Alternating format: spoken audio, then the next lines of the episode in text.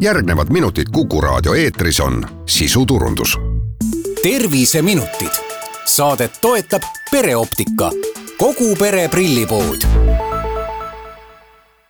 tere, head Kuku kuulajad, eetris on Terviseminutid ning täna räägime nägemisest, silmade kontrollist ja prillidest.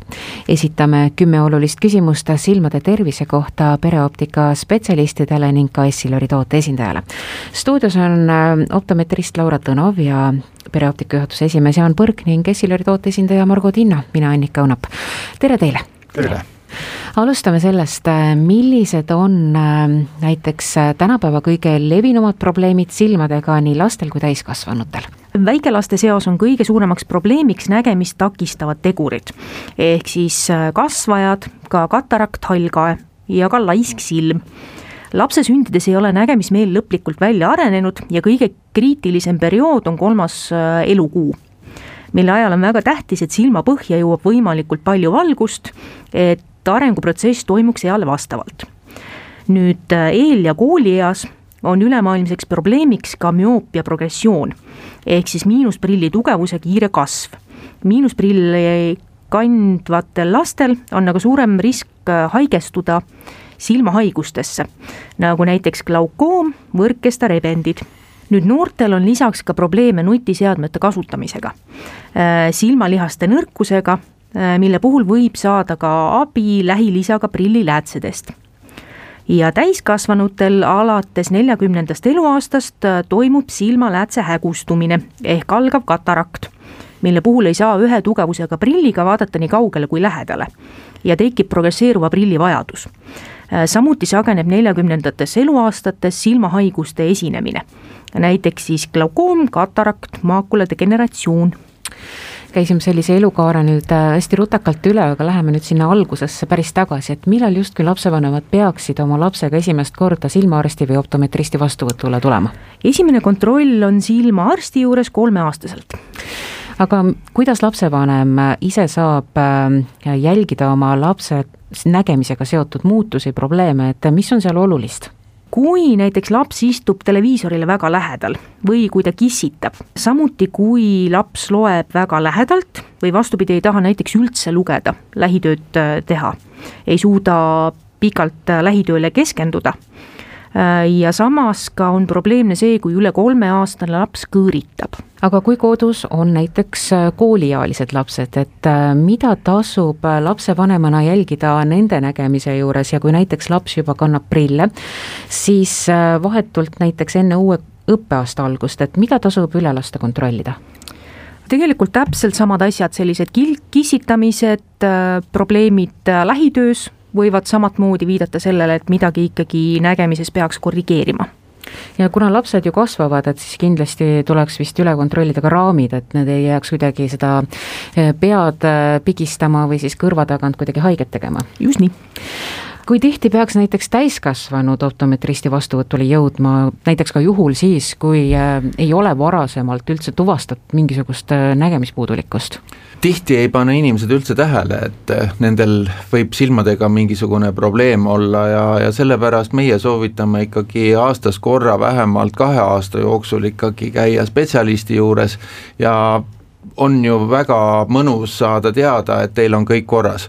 ja samas, kui on mingisugune eh, pisikene viga, siis seda saab alati korrigeerimisega lahendada, aga kui see probleem on osutunud suureks ja pikaajaliseks, siis seda raskem on teda ravida näiteks üheks suurimaks probleemiks, mis nii laste kui täiskasvanute silmi mõjutab, on ju nutiseadmetest ja arvutiekraanidelt äh, tulenev see sinine valgus, et see tuli juba välja siin meie esimese küsimuse juures, et äh, millised on aga need tänapäeva võimalused oma silmi selle kahjuliku mõju eest kaitsta? vähemalt äh, Essilori tootegrupp on küll täidetud sellise sinise valguse kaitsega juba algselt, et kui inimene ostab poest läätsed ehk klaasid, mis raami lähevad siis seal on äh, läätses sees äh, juba sinise valguse kaitse element.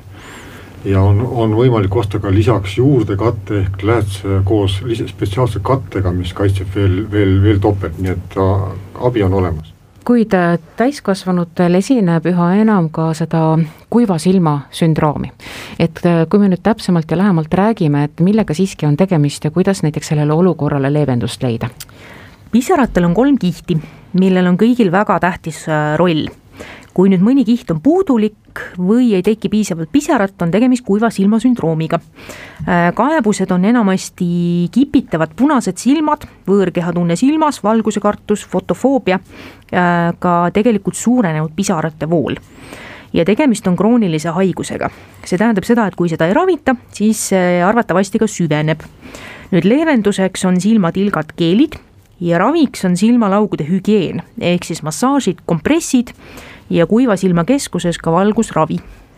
Jah, ja see äh, kuiva silma keskuses me tegelikult ju määramegi selle silma olukorra vastavalt täpselt sellele äh, andmetele, mis me siis sealt teada saame, vastavalt sellele siis me määramegi selle protseduurid, alustame toidulisanditega, mis on ääretult tõhusad olnud, me oleme neid müünud natukene üle aasta ja kõik, kes on äh, nendega äh, oma protseduuri alustanud, on äh, rahule jäänud ja täpselt sama võime öelda oma valgusraviga ja, ja uhkusega kinnitame, et see on praegu ainukene Eestis kas seda kuiva silma sündroomi on võimalik inimesel endal ka kuidagi nagu ennetada, sest me teame, et mingil hetkel ta võib ju tulla meile igalühele, eriti just kaasneb ju see vanusegagi, et aga kas on mingisuguseid selliseid häid nippe, et mida saaks inimesed ise oma silmatervise juures äh, näiteks muuta?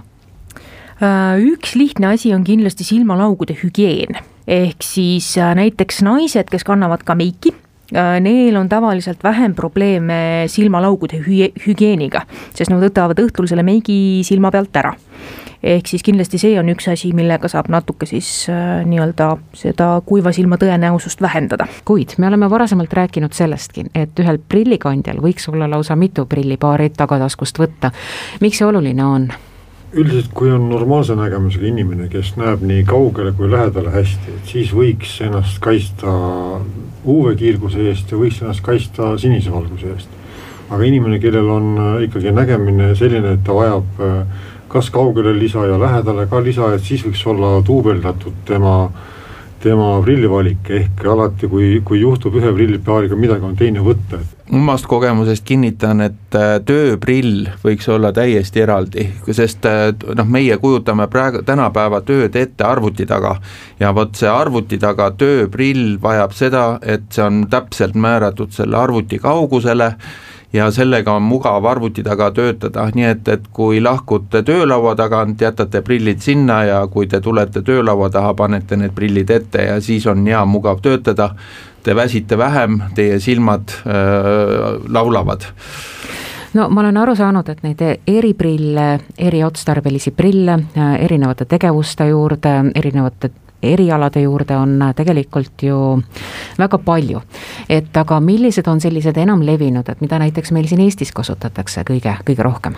enam levinud vist on ikka päikeseprill, sellepärast et seda kasutavad ka need, kellel optilist korrektsiooni vaja ei ole ja, ja igal kevadel äh, ma ei tea, miljonid disainerid töötavad välja uusi kollektsioone ja, ja no see on väga põnev aeg, kui kevadel äh, tekivad uued äh, päikseprilli kollektsioonid lettidele päikeseprillidest rääkides, kuidas, äh, mille järgi valida õigeid päikeseprille? Kvaliteedi järgi, et äh, ka tuntud brändide prilliklaasi kvaliteet on äh, erinev ja, ja siin võib isegi see hind mängida natukene, et näiteks lennujaamades ei, seal, kus kohas on vaja nagu odavat muljet jätta inimestele, seal neid kalleid tooteid ei ole.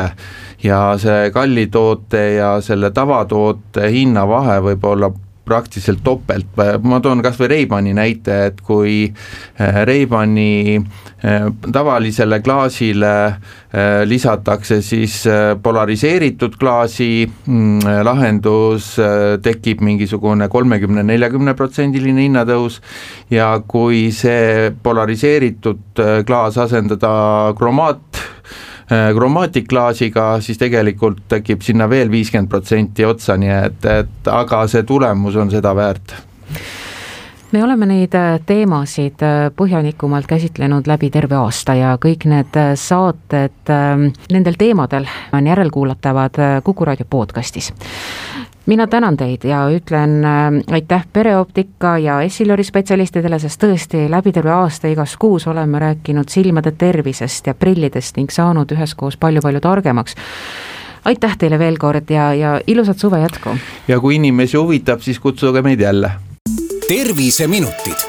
Saadet toetab pereoptika, kogu pere prillipood